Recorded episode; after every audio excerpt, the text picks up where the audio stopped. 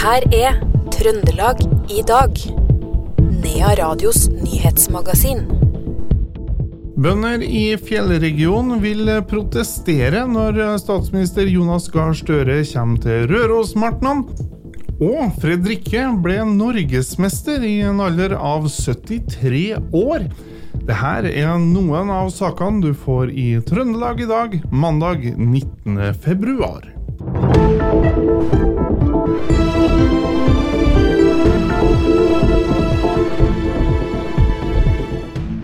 Men vi starter med nyheten om 32-åringen som har vært etterlyst i ti år, som nå er pågrepet og sikta for menneskehandel.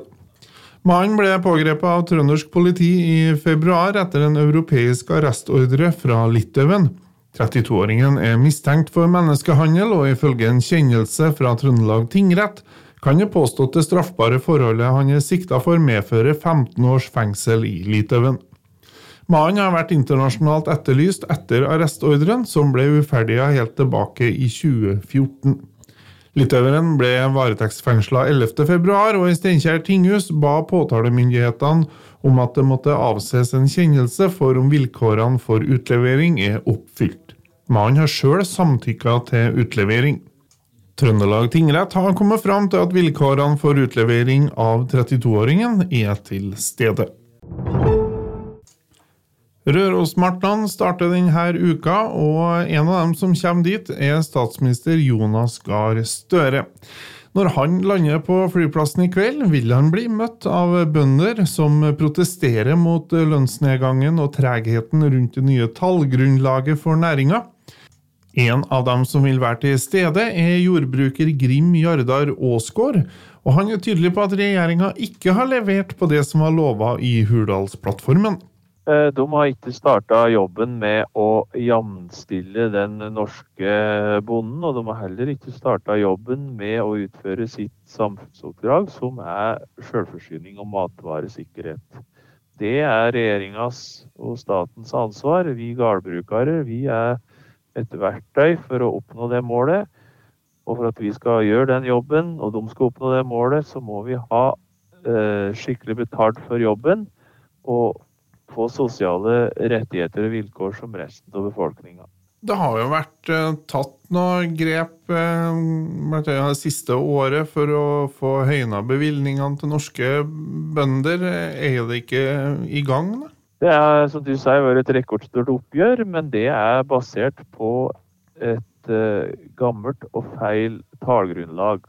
Og det her er jo sakens kjerne. For å måle hvor ei gruppe står, så må man faktisk finne et målepunkt, og det er det vi hele tida etterlyser. For det er ikke lett å tette et inntektsgap og jevnstille ei gruppe når du ikke vet hvor vi begynner. Det blir litt som å dra på orienteringsløp med feil kompasskurs. Det sa jordbruker Grim Jørdar Aasgaard.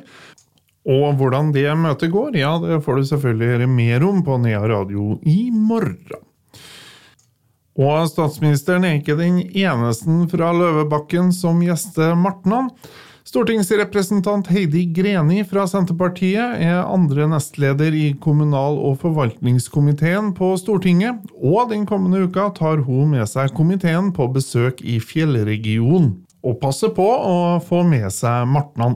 Og Greni sier at hun syns det er viktig at komiteen får se hvilke utfordringer Innlands-Norge står ovenfor. Utgangspunktet var at jeg tykker det er viktig at komiteen eh, får se hvilke utfordringer det er i Innlands-Norge. Vi reiser jo rundt i alle fylker, for så vidt så har vi jo vært på fylkesrunde både i Hedmark og i Trøndelag, men eh, heldigvis har jeg fått med hele komiteen opp nå for å se på utfordringer i fjellregionen. Og så var det jo sjølsagt ikke helt tilfeldig valgt at vi har valgt Martnasbuku, så vi får med oss Rørosmartnan og åpninga der. og det er jo òg en del av næringslivet og kulturen, og eh, viktig å vise frem hva vi har i fjellregionen. Og så skal vi ha runder rundt i flere kommuner, sånn at vi kan òg eh, få se de utfordringene som ligger i en innlandskommune. Hva kan komme ut av et slikt besøk? Jeg håper det skal komme ut større forståelse blant oss alle på at eh, hvilke utfordringer det er å være en innlandskommune. Vi har jo mye eh, små distriktskommuner rundt omkring i, i hele Norge, men det er noe helt annet å, annet å være en kystkommune kontra å være en innlandskommune. Det sa stortingsrepresentant Heidi Greni til vår reporter Per Magne Moan. Folk fra hele Midt-Norge tok turen til Oppdal for å vise frem kreasjoner, bygge og workshoppe, inspireres og stifte nye bekjentskap under Mountain Brick. Aldersspennet strekker seg fra tre år til over 70, som beviser at denne hobbyen er for alle. En av dem som var på Mountain Brick, det var sjuåringen Tobias Skjelfjord. Eh, det, her er det her er mange som drager. Drager, ja. Eh, ja. Og det mener jo at, det, at, at den der, den, den her, det, her, det her skal egentlig være en portal da, Okay. fra, til det nye riket. da. Og det her er ninjaparken. da. Og den der, de der ninjaen prøver å beskytte den, og den der kommer fra det nyeste riket. da. Og prøver å angripe og sånn. Det ble prisdryss for eh, Arne Jonny Halseth. Hvordan føles det? Nei, det var litt overraskende, men veldig gledelig, ja. Eh, Å bli satt pris på. Hva er det du har laga her, da? Jeg har laga Hovedmodellen er jo en eh, modell av eh, kystvaktskipet KV Jan Mayen, som er, var ny i fjor. Eh, Så har vi også fergemodeller, vi har modeller av ubåter, militære kjøretøy og en korvette. Men disse kreasjonene jeg står og ser på nå, det ligner ikke på sånne legosett som jeg hadde da jeg var liten. Det her ser ut som det er mer eh, custom made, er det det? Det er helt custom made. Eh, Derfor vi kaller det MOOC. Det er altså My Own Creation. Og det er rett og slett fri fantasi. Og det er Min måte å bygge på det er at jeg bruker bilder fra virkelige fartøy, og så prøver å etterligne så godt jeg kan. Ja, Det sa til slutt eh, Arne Jonny Halseth fra Kristiansund, og vi hørte også sjuåringen Tobias Skjelfjord. Reporter i innslaget det var Tore Brennryen fra Radio E6. I dag ble det kjent at eh, Åge Aleksandersen er tildelt Vidar Sandbecks kulturpris for 2024. Vidar Sandbeck var visesanger, visedikter og forfatter, og en av hans sanger, 'Regnbågåbrua', har også gitt navn til kulturprisen som Sandbeck-stiftelsen står bak. Prisen går til tekstforfattere og visesangere som bruker norske tekster. Åge Aleksandersen takker for prisen med å holde en konsert under Sandbekkdagene på Rena i juni. Forrige helg ble oppdalingen Fredrikke Bø norgesmester i bowling i veteranklassen under mesterskapet i Oslo. 73-åringen er en ivrig bowlingspiller, men forteller at hun begynte med sporten først da hun var godt voksen. Og at hun skulle bli norgesmester, ja, det var 73-åringen svært godt fornøyd med. Ja, det var helt utrolig. Vittig å tro. Når, når skjønte du at det kom til å gå veien for deg? da? Nei, leda innledende. og spilte først seks serier som vi leda.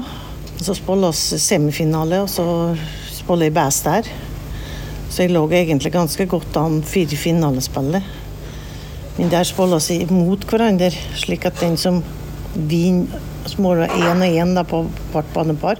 Så den som vinner den serien, får 30 poeng ekstra. Så hvis, topp, hvis de har toppa alle dem, så topper vi mye poeng i forhold til de andre, for da et de seg innpå. Men jeg klarte å holde unna. Jeg toppa bare to kamper, så jeg klarte å holde unna. Du er jo en godt voksen eh, dame, og fortsatt så kjenner du på konkurranseglede, da. Ja, kjempeartig. Og bowling anbefaler jeg til absolutt alle, sjøl om samme hvordan helsetilstand de har. Om de er både svak i hendene og føtter og dårlig pust og alt, så går det an å spille bowling for alle sammen.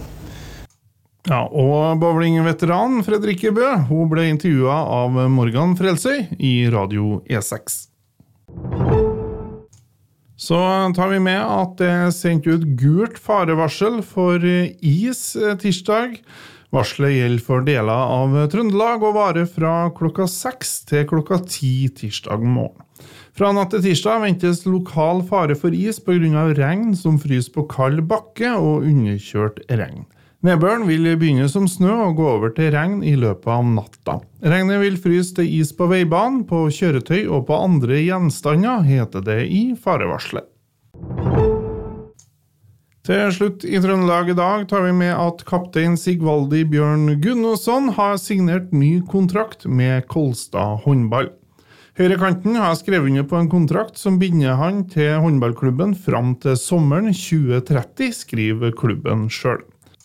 Til Kolstads hjemmeside sier Gunnarsson at det har vært flere omganger mellom han, hans agent og Kolstad-sjefen før det hele ble landa. Sammen med samboeren Not flytta Sigvaldi Gudnonsson til Trondheim sommeren 2022. I september samme år ble de foreldre til en liten gutt.